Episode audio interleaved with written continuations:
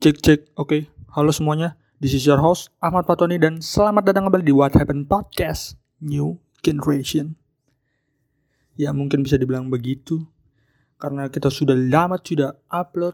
Oke, eh, ya halo semuanya para orang-orang penasaran apa kabar ini semuanya. Eh, gimana? Hari ini udah minum mixway belum? Tahu itu pronounce bener apa enggak? Tapi untuk konten kali ini kita sebutnya mixway gitu aja ya. Ya, Belakangan ini, si badut salju yang akrab disapa Snow King ini lagi rame banget dibicarakan sama warga net. Sampai nih, dia dijuluki sebagai malaikat pencatat ruko kosong. Gimana enggak nih ya? Karena di mana-mana itu sekarang pasti ada mixway gitu. Ada ruko kosong selang berapa lama pasti jadi mixway.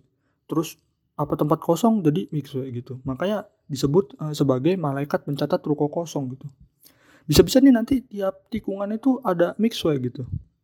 Makanya nih buat orang-orang yang rumahnya di pinggir jalan itu agak ngeri juga gitu ya menurut gue ya. Misal nih dia liburan gitu kan ke Bali healing 10 hari rumah kosong gitu. Terus pulang-pulang rumahnya jadi mixway gitu. Kan kaget gitu ya. Oh rumahku jadi mixway gitu. Agak terkejut pasti dia. Tapi pernah gak sih kalian uh, bertanya-tanya gitu kenapa mixway ini uh, bisa begitu ekspansif gitu, bisa begitu uh, tersebar di mana-mana gitu. Oke, okay? langsung saja. This is What Happened Podcast Mix with Expansion. Misha Ice Cream NT mendadak viral khususnya di dalam negeri seiring menjamurnya kedai waralaba es krim ini di banyak kota. Luar negeri, jumlah outlet Mixua sudah melebihi 10.000 lokasi.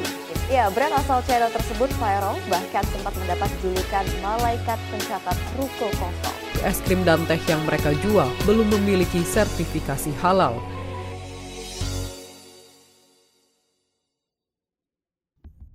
Baik, Mixue pertama kali didirikan oleh Zhang Hongchao, seorang mahasiswa di Universitas Keuangan dan Ekonomi Henan, Tiongkok pada tahun 1997 berawal dari kerja paruh waktu di sebuah kios minuman dingin untuk meringankan beban ekonomi keluarganya pada saat itu, lalu ia terinspirasi untuk membuka gerai usahanya sendiri.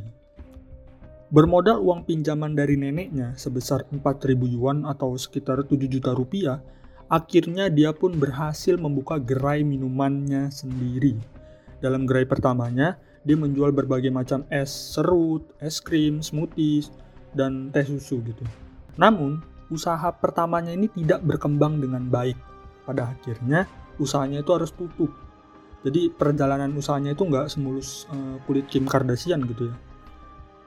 Lalu pada tahun 1999, ia kembali membuka gerai kedua dengan nama Mixue Bing Chang. Saat gerai keduanya itu dibuka, bisnisnya pun berkembang pesat. Nah ini nih, awal mula Mixue menguasai tiap tikungan yang ada di muka bumi ini agak lebay gitu ya. Di Cina sendiri, pada akhir Maret 2022, Mixue sudah memiliki 21.582 toko. Jumlah ini menjadikan Mixue menjadi waralaba terbesar di Cina dan terbesar nomor 5 di dunia. Nomor satunya itu ada McDonald, KFC, dan lain-lain gitu. Nah, untuk di Indonesia sendiri, gerai pertama Mixue itu dibuka di Bandung, tepatnya di Ciamplas Walk. Namun pada waktu singkat, kini Mixway itu sudah ada di mana-mana.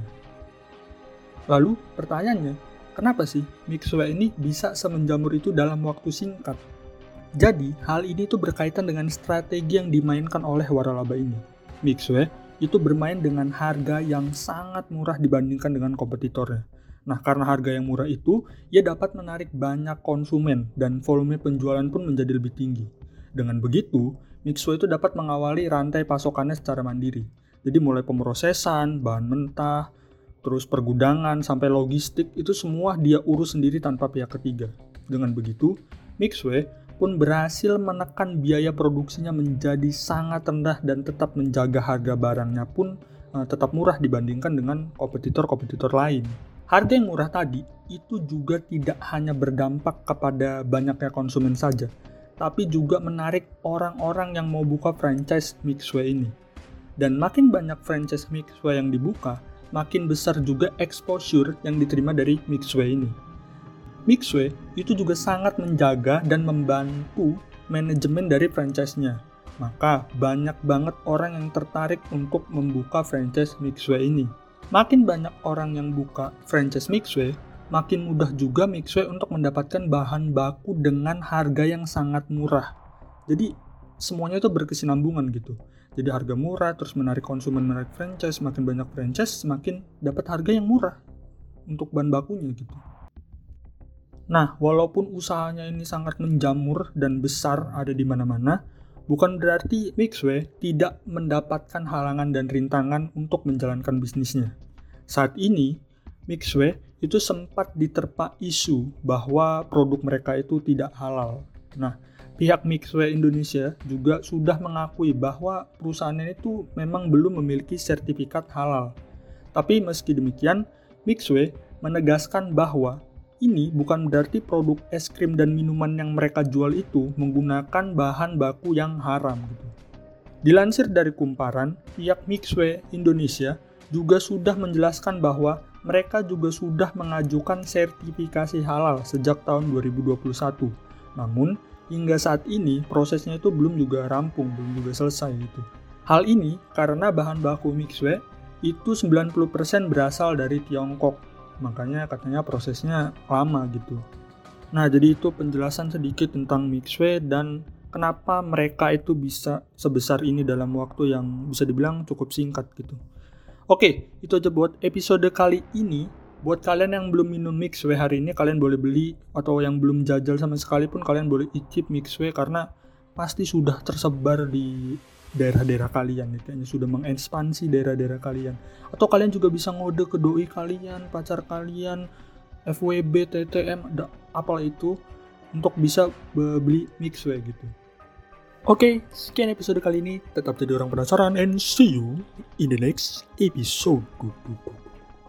Na na na na na na na na na na na. Oh, na.